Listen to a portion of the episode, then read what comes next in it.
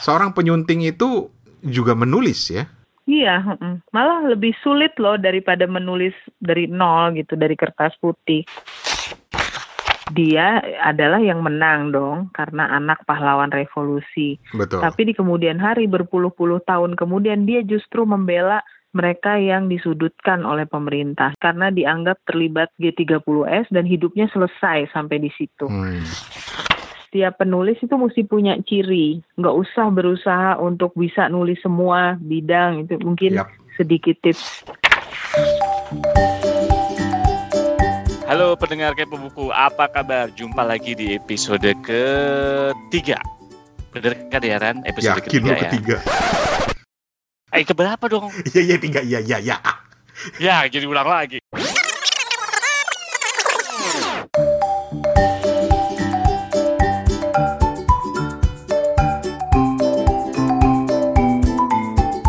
Halo pendengar Kepo Buku, apa kabar? Semoga baik-baik saja.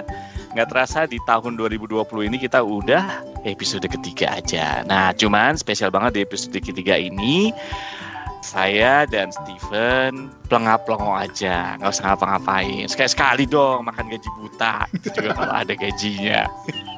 Uh, oh ya, ke- perkenalkan dulu bintang tamu kita kali ini adalah seorang penulis bernama Imelda Bahtiar ya.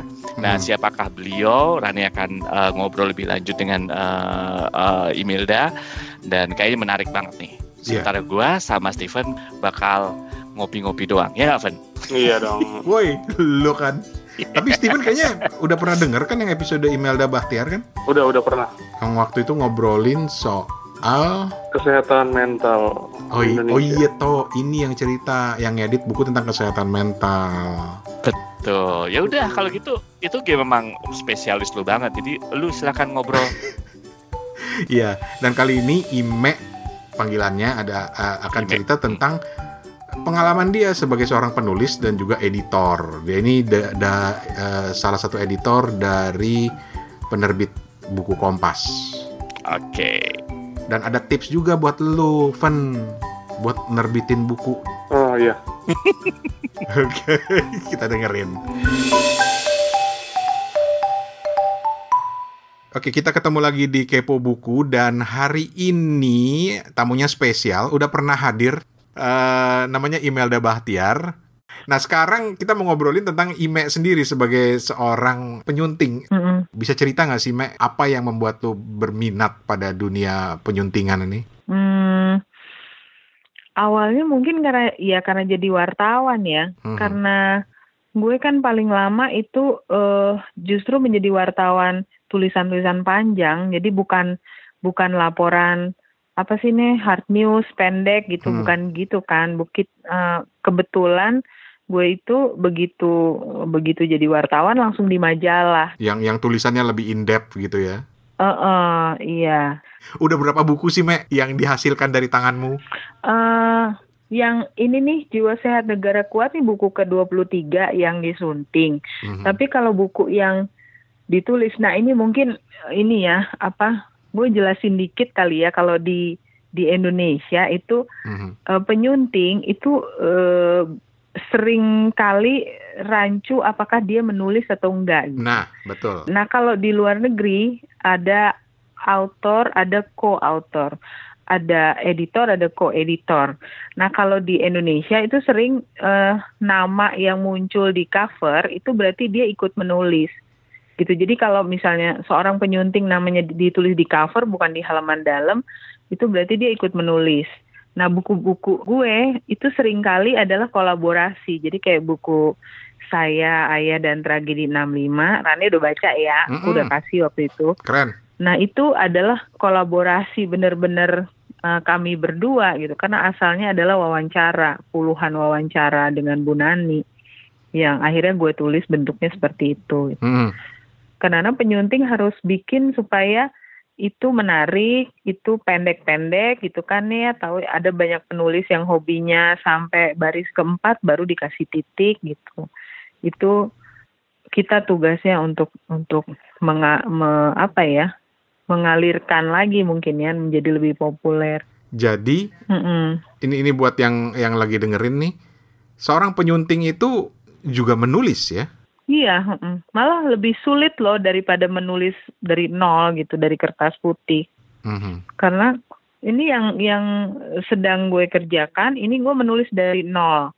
Jadi eh, gue menuturkan pendapat seseorang tentang kepemimpinan militer, eh, tapi itu lewat wawancara gue sama dia gitu.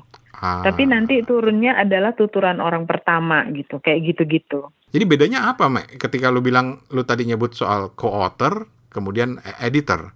Nah, kalau di Indonesia itu nggak ada co-author. Oh, Adanya editor aja atau penyunting aja, tapi sebetulnya dia menulis. oke. Nah, itu yang yang yang membuat kalau di Indonesia itu menjadi rendah gitu nilai dia, rendah segala-galanya ya, rendah penghargaan, Mhm. rendah eh, dianggap dia dia tidak menulis. Padahal itu yang terjadi nggak gitu. Tapi kalau eh, gue sih sekarang kalau orang yang udah sering baca tulisan gue udah tahu gitu. Oh, ini kayaknya lo campur tangan banyak deh di sini ya, Me kayak gitu. Hmm. Teman-teman yang sama penulis sudah bisa baca Oke. gaya kita nempel di sana gitu. Tapi kalau misalnya dia memang secara khusus menulis eh, sebuah buku, Mm-mm. peran penyunting di situ apa? Nah, yang seperti itu biasanya penerbit itu langsung memberikan naskah itu ke orang yang namanya copy editor. Oke. Copy editor ini hanya eh, dia tuh tidak mengubah naskah sama sekali. Yang dia lakukan itu hanya benerin tanda bacanya atau memenggal kalimat yang kepanjangan. Oke. Hmm, gue jadi belajar nih. Jadi ada copy editor, ada editor gitu ya. Heeh, iya. Hmm. ada gitu. Nah, kenapa gue lebih suka pakai penyunting ya karena dalam penerbit bahasa Inggris eh, editor itu bisa jadi dia penggagas gitu loh, dia segala macam. Nah ini buku Jiwa Sehat Negara Kuat misalnya yang gue ambil contoh Mhm. di covernya itu kan ada tertulis tujuh nama ya Pak Hans Pols, Pandu Setiawan, Mhm. Carla Marhira, Irmansyah itu orang-orang yang mengumpulkan penulis-penulis lain, mengumpulkan 46 orang yang lain itu, dan dia yang punya ide, oh ini eh, alurnya nanti mau seperti ini, chapter yang yang paling utama itu chapter ini. Dia yang membuat ide besarnya, dan terus si penulis-penulis dikumpulkan 46 orang ini, dan dia dibagi, ditunjuk gitulah, Anda menulis bagian yang ini, Anda yang ini. I see. Nah, inilah pengertian editor dalam penerbitan-penerbitan luar negeri gitu ya. Kalau Oke. kalau kita suka baca dulu tuh nih buku kuliah kita, Mhm. kan suka gitu tuh ya yang Handbook of Mass Communication apa ya? Mhm. Itu kan editornya bisa 10 orang gitu. Nah, editor di situ tuh fungsinya itu. Dia menggagas rohnya keseluruhan, terus dia ngumpulin orang-orang lain yang bisa ngisi ini, yang bolong-bolong ini diisi sampai padat gitu sih ya, lebih ke situ. Jadi emang buku-buku textbook kebanyakan yang editornya sebanyak itu. Oke, ini gitu. ini ini ilmu baru nih buat gue. Terus terang, sampai saat ini gue masih belum bisa membedakan. Tapi thank you banget. Nah, mumpung gue masih Mm-mm. eh, ngobrol sama lu, nanti gue akan minta sedikit tips-tips ya eh, buat teman-teman yang eh, mencoba untuk menulis juga. Heeh. Tetapi eh, sebelumnya satu pertanyaan dulu. Mm-mm. Dari 23 lebih buku yang sudah eh, lu sunting, sudah lu tulis, Hmm. Yang paling meninggalkan bekas mendalam buat lo itu apa? Mungkin nggak adil ya karena semuanya pasti meninggalkan bekas. Tapi kalau lo Hmm, harus memilih iya. beberapa di antaranya apa aja, Mek? Oh, Mungkin dari proses penulisannya, dari dari macam-macam prosesnya gitu. Oh iya, mungkin kalau dari macam-macam prosesnya, gue suka tiga buku gue tuh. Yang per- buku pertama itu, yang buku pemikirannya Bu Saparina Sadli, berbeda tetapi setara. Yang kemudian membawa lo jadi ketagihan nulis terus gitu. Iya, jadi ketagihan. Eh, karena eh, selain itu buku itu tuh merentang 25 tahun eh, isu perempuan di Indonesia secara tidak sengaja. Karena Bu Sap itu menulis selama 25 tahun isunya beda-beda dan nggak sengaja itu menjadi sejarah gitu loh nih karena gue susun menurut tema juga tapi Hmm. juga menurut urutan waktu juga gitu jadi nggak sengaja buku itu menggambarkan oh isu perempuan di Indonesia ternyata begini dan beda dengan isu perempuan atau isu feminisme di di Amerika misalnya yang Hmm. gue pelajarin di bangku sekolah kan itu Jadi bukunya eh, secara nggak sengaja itu bisa jadi eh, panduan buat anak-anak muda yang lagi belajar isu perempuan di Indonesia. Oke, itu buku pertama. Uh-uh. Buku kedua ya bukunya Bu Nani, jelas. Ya, saya Ayah dan Tragedi 65 ya. Itu buku yang ya lo lihat sendiri selalu bergulir ya dari tahun ke tahun selalu diomongin, ada aja orang ngomongin dan uh, mengangkat nama gue juga secara kontroversial ya jadi ada yang nggak ada yang suka ada yang nggak suka ada yang tiba-tiba eh, kayak kemarin gitu tiba-tiba kok ada orang yang apa Tribun News tiba-tiba nulis nama gue ada di judul padahal isinya tuh juga salah banget gitu maksudnya hmm. dia hanya ngutip plek-plek gitu apa yang, yang menjadi kolom gue berdasarkan okay. bukunya Bu Nani tapi nggak paham sebenarnya bentar bentar bentar gue tahan dulu di situ buat teman-teman yang pengen tahu ini bukunya Bu Nani, Bu Nani itu siapa, judul bukunya apa dan Jadi buku itu uh, itu judul versi bahasa Indonesianya itu Saya, Ayah dan Tragedi 65. Hmm. Kenangan tak terucap. Itu memoirnya anak uh, keduanya Jenderal Sutoyo Siswomi Harjo namanya Ibu Nani Nurrahman yang hmm. profesinya adalah psikolog. Hmm. Ibu Nani uh, tahun ini usianya 68 tahun ya, itu menghabiskan hampir seluruh masa dewasanya itu untuk uh, bergulat melawan trauma. Pertama kali dia melawan melawan trauma kehilangan ayah tentunya ya. Hmm. Itu umurnya waktu itu 15 tahun. Uh, terus dia selesai dengan itu, dia mengambil bidang psikologi klinis untuk membantu orang utamanya menurut Bu Nani dulu diambil itu karena dia ingin membantu orang, ingin punya pengetahuan tentang menyelesaikan trauma dalam hidup dan hmm. itu itu benar sampai buku ini ditulis pun buku ini nih bantu orang menyelesaikan trauma banyak banget gitu. Bu Nani menerima email-email Ibu terima kasih saya kok merasa selama baca buku ini saya jadi berkaca pada di bla bla bla seperti itu tuh banyak nih sampai hmm. hari ini loh. Buku itu terbit Maret tahun 2013 dan sampai sekarang terus dicetak dan terus menginspirasi orang. Jadi didiskusikan kembali di buku itu dan sampai dibawa juga ke Frankfurt Book Fair waktu itu. Tapi ke kenapa kemudian gitu. uh, ada unsur kontroversinya di situ, Mei? Ada unsur kontroversi karena gini, selama ini pengetahuan kita semua tentang peristiwa 65 itu kan cuma berasal dari satu versi mm-hmm. yang adalah buku ya sejarah nasional Indonesia itu loh nih buku zaman mm-hmm. kita SMA. Betul versi uh, angkatan darat. Hanya dari satu sisi itu aja.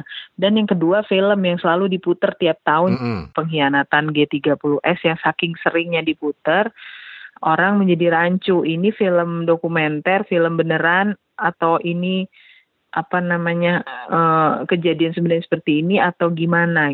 Nah buku Bunani itu membahas dua hal itu dalam chapter-chapternya dan selain itu buku ini nih menawarkan memoir seorang anak perempuan, seorang perempuan melihat dari kacamatanya dia tentang peristiwa itu. Dia adalah yang menang dong karena anak pahlawan revolusi. Betul. Tapi di kemudian hari berpuluh-puluh tahun kemudian dia justru membela mereka yang disudutkan oleh pemerintah. Jadi Bu Nani ini bekerja untuk kelompok orang yang disudutkan karena dianggap terlibat G30S dan hidupnya selesai sampai di situ. Hmm. Jadi ada kelompok ibu-ibu yang sampai ganti nama, ganti KTP, segala. Wow. Ketika eh, kita wawancara, kita tanya kesalahannya dia adalah dia waktu itu mengikuti beberapa seminar gerwani tentang pemberdayaan perempuan, belajar jahit, belajar segala hmm. itu dianggap uh, tidak apa ya hitungannya dulu apa sih uh, ini ya nih kelas berapa gitu di KTP-nya tuh ada tanda gitu bahwa dia Iya, ada ada ada kategori-kategorinya ya. hmm, ya. Kategori-kategori itu yang membuat dia kehilangan semua. Dan umurnya tuh ibu itu udah 80, kehilangan semua. Eh, masa mudanya dan ya dan terutama hidup dalam ketakutan uh-huh. sepanjang ini dan uh-huh. Bu Nani itu berkali-kali ngomong dalam setiap kesempatan apakah bangsa seperti ini gitu yang mau kita wariskan Betul. sejarahnya seperti ini. Gue suka banget buku ini. Uh, nanti gue pasang judulnya di show notes di uh, website gue karena gue pikir Mm-mm.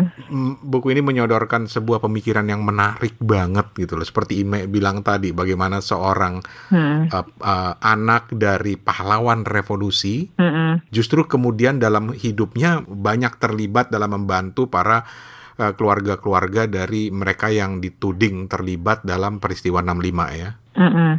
Dalam buku itu eh, jelas lebih banyak Bu Nani bicara soal yang namanya Forum Solidaritas Anak Bangsa gitu ya Mhm. di bagian-bagian akhirnya. Yang yang adalah eh, upaya Bu Nani dan teman-temannya termasuk kakak kandungnya yang sekarang menjadi Gubernur Lemhanas, Mhm.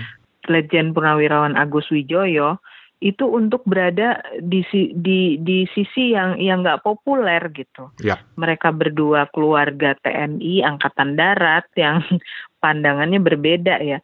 Nah, Bu Nani dan Pak Agus Wijoyo itu sejak dulu sudah menjadi keluarga Hmm. TNI yang berbeda dan mereka eh, berani dan dan eh, alhamdulillah sekarang mulai diikuti juga sedikit demi sedikit. Betul. Mulai ada pertanyaan kok ya kita tega melakukan ini gitu. Maksudnya rasanya pembunuhan atau apalah kalau memang betul-betul Partai Komunis Indonesia melakukan itu ini ini gue mengutip Bu Nani ya terus kita melampiaskannya membalaskannya dengan tujuh turunan eh, mereka tujuh turunan eh, orang-orang yang dituduh eh, anggota Partai Komunis Indonesia. Terus nggak bisa bersekolah yang layak harus lari ke luar negeri harus kehilangan identitas. Menurut Bu Nani itu luar biasa itu justru kejahatan kemanusiaan yang luar biasa yang luar biasa. bisa dibaca di buku itu. Gua gua akan akan akan ulas buku ini di salah satu episode kepo buku nanti karena gue terus terang tertarik banget dengan isi buku ini dan Mm-mm, ya itu mm-mm. tadi dia jadi kontroversi karena ya namanya masalah eh, 65 itu sampai sekarang lukanya itu dalam banget gitu dan mungkin ini memberikan Mm-mm. menyodorkan alternatif lain ya da- buat pemikiran kita orang-orang di Indonesia ya Iya. apalagi generasi-generasi sekarang yang udah putus sama sekali memorinya dari eh, peristiwa 65 Betul. Mhm. Eh, kan gue juga ditanya am- sama banyak orang. Jadi eh, apa Bu Nani dan Mbak Imelda maksudnya gimana? Maksudnya supaya orang berpihak kepada Hmm. eh, apa korban-korban ini gitu. Kita kita diminta ber- eh, mengulang kembali jadi nggak perlu nggak perlu mengutuk PKI atau segala. Nah gue bilang tegas bukan itu tapi mengisi eh, pengetahuan sejarah yang berimbang itu aja betul soal nanti anak-anak kita mau milih dia per, dia berpihak ke mana, dia percaya pada versi yang mana, itu bacaan dia yang memutuskan gitu. Oke. Jadi bukan kita menarik-narik gitu. Itu makanya eh, apa mungkin mm, 65 itu bisa jadi jadi apa ya? Jadi eh, cara kita buat meningkatkan kemampuan literasi anak-anak ya karena Betul. peristiwa ini kan terus digaungkan tiap tahun dan orang diminta untuk eh, apa namanya? hati-hati bahaya laten dan sebagainya gitu ya gampang banget itu Yoi. digaungkan oleh siapa pun dan dan buat gue yang penting adalah ngasih ngasih ngasih apa ya alternatif pemikiran itu aja untuk memperkaya pemikiran Mm-mm, kita betul bahwa kemudian nanti lu mau menilainya gimana itu terserah lu kan Heeh, betul, betul nih. gitu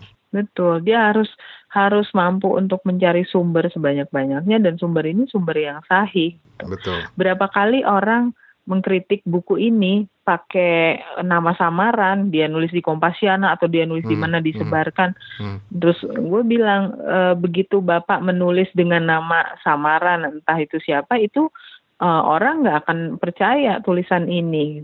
Saya menerbitkannya dalam bentuk buku bersama Bu Nani. Itu insya Allah nggak akan lekang oleh waktu. Semua orang akan tahu buku ini. Begitu dan yang biasanya orangnya langsung mingkem sini. ya Kalau mau eh, apa namanya berperang argumentasi, ayo lewat tulisan dan sahih gitu dengan bahasa yang baik-baik. Mungkin eh, kalau buku kita udah diterbitkan oleh penerbit eh, penerbit buku Kompas sekarang yang nomor satu ya di Indonesia untuk buku sejarah Hmm. Dan termasuk sejarah militer, pemikiran tokoh dan uh, penerbit seperti penerbit buku Kompas bila bila mau menerbitkan itu pertimbangannya nih udah dewan redaksi berlapis-lapis gitu ya bukan pastinya bukan berarti hanya tokoh atau hanya orang Pastinya. penting nggak begitu Benar. gitu caranya benar itu aja udah melindungin kami gitu para penulisnya sebetulnya Mm-mm. betul dan dari cerita lo tadi wajar lah kalau lo bilang ini buku yang salah satu yang paling berkesan tapi iya eh, sebelum kita lari ke tips yang pasti udah ditunggu sama teman-teman buku ketiga tadi lo bilang apa me Hmm, hmm. Nah, buku ketiga itu setelah buku Budani, eh, itu ada seseorang yang menghubungi gue. Eh, ternyata dia adalah anak dari Jenderal Pranoto Rekso Samodra. Jadi lucu banget gitu ya ketika belakangan setelah buku Budani, beliau ini siapa beliau itu eh kalau di film Pengkhianatan G30S itu ada seorang jenderal angkatan darat yang dianggap berteman akrab dengan eh bukan Aidit ya, Nyoto kalau nggak salah Mhm. dan kemudian dikenal sebagai Jenderal Merah itu Jenderal Pranoto. Jadi Oke. semua asisten Menteri Pertahanan eh, waktu itu asisten Jenderal Yani semua meninggal kan kecuali Jenderal Pranoto. Hmm. Jadi dia dianggap eh, apa namanya pertemanannya terlalu dekat gitu sama sama kalangan Partai Komunis Indonesia. Padahal waktu itu tugas dia memang melakukan pertemanan akrab dengan petinggi-petinggi partai.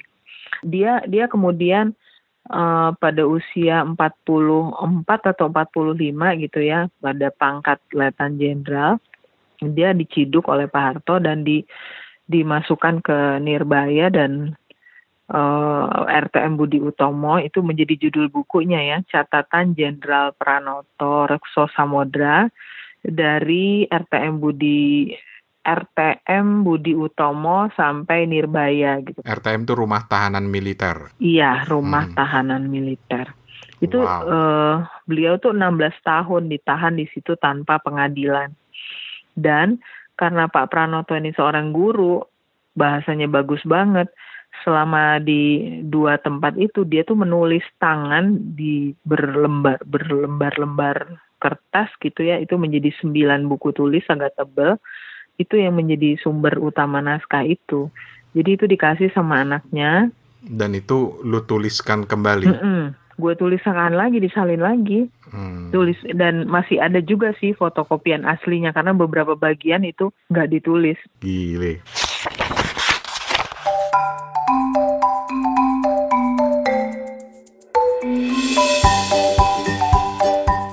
Ime, gue udah ngambil banyak waktu lu, tapi eh, satu poin lagi, Me, dan ini eh, banyak Mm-mm. banget eh, diajukan oleh teman-teman eh, di Kepo Buku, Mm-mm. yaitu ketika mereka pengen banget nulis gitu loh, tapi Mm-mm. lu bisa ngasih tips nggak, Me? Ketika gue udah sampai selesai nulis nih ya, terus gue sedang berusaha mencari penerbit, itu gimana sih, Me? Narik perhatian, lu kan udah Hmm. nulis 23 lebih buku gitu. Gimana sih narik perhatian uh, penerbit itu menurut lu, Me? Hmm, ini sih kayaknya eh, topik ya. Jadi pertama kali pilih topik yang kita tahu banget. Mm-mm. Kita tahu bener gitu. Jadi jangan misalnya bukan koki terus nulis buku masak kayak gitu gitu. pastinya. Uh-uh. Terus yang kedua, pakai pendekatan yang orang lain belum pernah pakai gitu. Mungkin yang menarik buat jadi contoh itu uh, Feby. Jadi ada temen gue di majalah DR dulu wartawan ekonomi, dia desnya ekonomi namanya Feby, Feby Siahaan. Sekarang dia tuh motivator, sering ngajar nulis juga di mana-mana. Hmm. Nah, buku dia eh, yang yang pertama di penerbit buku Kompas itu tentang perjalanan eh, travelingnya dia ke Tibet sama lima teman-temannya yang semuanya tuh emak-emak karir berhigh heel setiap hari. Oke. Nah, itu itu Feby tuh contoh bagus tuh. Jadi buku traveling banyak banget dong. Mm-mm. Kita bisa lihat se sederet kali kalau di Gramedia kan. Mhm. Tapi ini traveling ke daerah yang sulit, itu kan sulit ya Tibet tuh. Termasuk yang anak-anak mapala aja mungkin yang udah tingkat mahir ya ke situ itu gampang kena serangan apa nih namanya serangan beku ya bahasa Frostbite. Indonesianya frostbite tuh apa sih? Hmm. Iya, gampang kena itu, terus mesti fit juga ini. Nah ini mereka berlima itu pekerja kantoran di gedung tinggi Jakarta dan nekat untuk menyusun perjalanan ini. Itu menarik banget bukunya itu. Eh, gue re- bikin reviewnya juga tuh di Kompasiana 1700 km menuju Tibet apa gitu gitu di judulnya Mhm. itu di si si penulisnya Feby ini nulis detail mulai dari persiapan fisik apa yang mesti dibawa apa yang mesti ditinggal sampai tipsnya dia mendingan nginep di hotel sekitar Bandara Soekarno Hatta supaya besok paginya tuh fresh Hmm. kan perjalanan ke bandara kita kan suka bikin fresh karena macet Iya. Fresh sampai ke situ gitu Jadi poinnya adalah gimana lu menarik perhatian eh, dari pihak penerbit ya. Mm-mm. nomor satu itu dulu Nah, nah dalam upaya lu untuk menarik perhatian penerbit itu aja dulu deh. Mm-mm. Dibaca dulu sama penerbit gitu loh. Ketika lu harus menyerahkan manuskrip ke penerbit, Mm-mm. saran apa yang lu bisa bantu? Karena tadi kan yang pertama untuk menarik perhatian penerbit adalah temanya, angle-nya gitu ya, yang Mm-mm. unik gitu ya, yang mungkin langsung wah ini keren nih. Tapi yang kedua, dalam upaya untuk sampai ke situ, apa yang menurut lu penting dilakukan ketika lu harus mengirimkan manuskrip buku lu? Eh, tulis tulis satu halaman di depan naskah yang merupakan jawaban dari pertanyaan kenapa orang harus baca buku ini. Kenapa satu halaman? Kayaknya pe- pendek banget kok. Kalau buku gua 300 halaman gimana, Me? Hmm, itu kan 300 halaman misalnya. Nah, ada satu halaman di depan yang jadi pembuka yang nunjukin kenapa orang harus baca buku ini, apa pentingnya buku ini gitu. Dari kacamata si penulisnya dulu Hmm. gitu. Jadi nanti ketika kita dapat kesempatan ketemu sama penerbit, penerbit panggil kita, nah itu baru dielaborasi lagi tuh yang si satu halaman I ini. see. Nah, kalau saran gue sih lebih bagus teman-teman yang benar-benar baru punya naskah, gandeng aja temen yang udah biasa. Nah, pada saat udah ketemu itu harus kita harus bisa promosiin tulisan kita. Apa sih yang menarik dari tulisan ini gitu Hmm. gitu karena itu biasanya ada dikasih waktu setengah jam sampai satu jam lah gitu untuk penulis baru ceritain soal bukunya apa gitu Oke. kayak gitu gitu Menarik. Sama penulis-penulis ini kan biarpun bekerja sendirian di dalam ruangan mereka masing-masing kan tetap punya komunitas kan nih nah Mhm. teman-teman yang masih baru gue saranin masuk aja komunitas penulis. Mana yang disukain? Penulis sejarah kayak atau penulis apa? Oke. Jadi itulah mudah-mudahan itu bermanfaat. Karena tahapan paling penting dalam menulis buku adalah ketika lo menarik, mencoba menarik perhatian penerbit. Mm-mm. Tapi sekarang ketika ada orang alah, gua nggak mau repot-repot ke situ, gua mau Mm-mm. terbitin independen aja. Lu menurut lu Hmm. gimana, Mek? Nah, karena eh, ternyata menerbitkan independen itu juga banyak contoh yang berhasil, orang juga jadi mulai ngelirik ke situ nih. Jadi nggak ada salahnya ya? Enggak, eh, eh, dua bulan yang lalu itu komunitas penulis Kompas tuh manggil eh, namanya Marcella FP. Dia udah pernah jadi, Yes. udah pernah ngisi rubrik sosok juga di di harian Kompas beberapa bulan yang lalu. Anak ini nih umurnya masih Terkenal banget ya. Iya masih 29 tahun. Terus dia bikin semacam kalau kalau dia punya ini ya punya Insta Instagram yang yang ada halaman-halaman bukunya juga dipotretin sama dia. Yang menurut gue itu tuh kayak puisi pendek, motivasi, bagaimana membangun hari lebih semangat kayak gitu-gitu.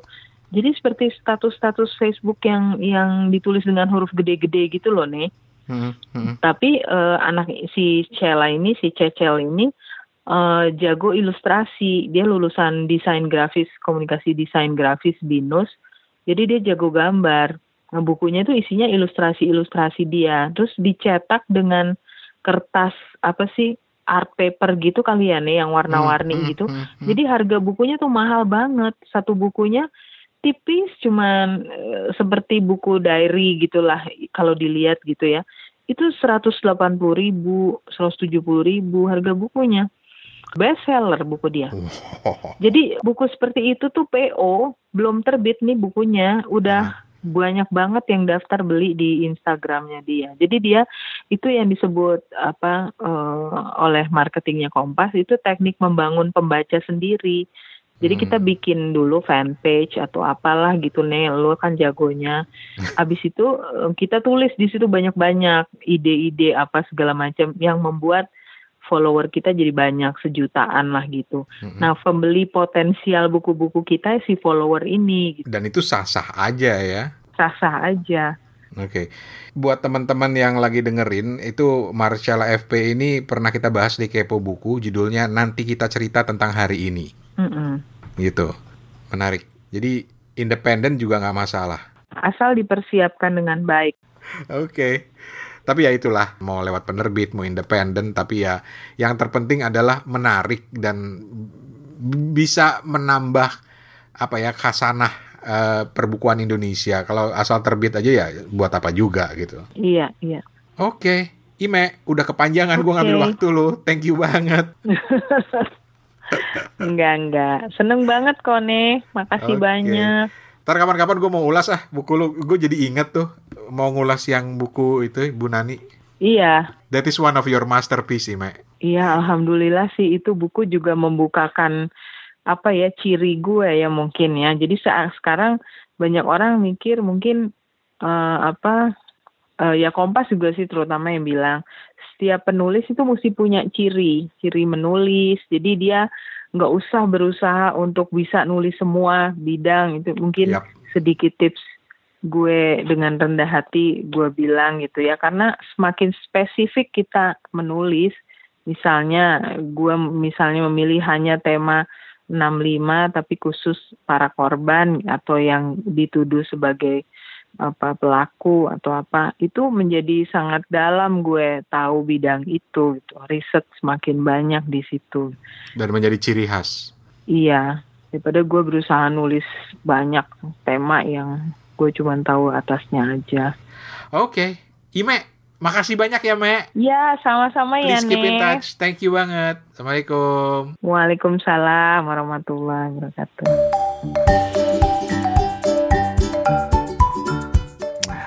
Eh, enak kan Van kalau kita nggak kerja dengerin doang gitu kan makan gaji buta sekali lagi kalau gajinya ada abis eh, nungguin gaji dari dulu nggak ada ada Gramedia sama Mizan mana nih ngomong-ngomong bercanda bercanda Target TKP buku 20, 2020 nyindir semua penerbit sampai ada yang mau support buku. eh tenang, kalau ada penerbit yang mau support buku, buku itu nanti akan larinya ke pendengar juga. oh iya benar juga nggak buat kita kok gitu. Enggak, bukan. kita sirkulasikan kembali gitu jadi gimana Ran tadi nge-host dirian sama Ime oke ya Ya, Oke-oke aja, soalnya gue kenal apa Ime temen gue, temen kapus dulu gitu. Tapi ya dijadiin kebiasaan besok-besok begitu Wah, enak aja loh. Tapi sebenarnya yang menarik adalah karena Ima itu cerita tentang profesi sebagai seorang editor. Hmm, Bagaimana menurut dia editor itu sendiri tuh penting banget. hmm. Jadi jadi dia cuma mau meluruskan bahwa editor tuh cuma bukan tukang benerin typo. Iya, iya. gue nggak kepikiran tadi Bener. Jadi dia editor tuh bisa juga su- seperti seorang penulis gitu sebetulnya. Makanya dia selalu bangga dengan itu. Oke, oke.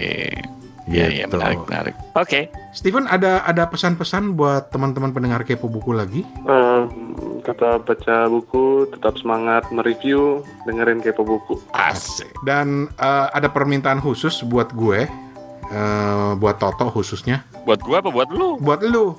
Oh, betul. Lu kan suka banyak buku-buku menarik ya, tolong eh, bantuin dong eh, review buku The Cambridge Introduction to Sanskrit. Iya, nah, nanti ya kalau saya udah bisa baca aja ya, Pak.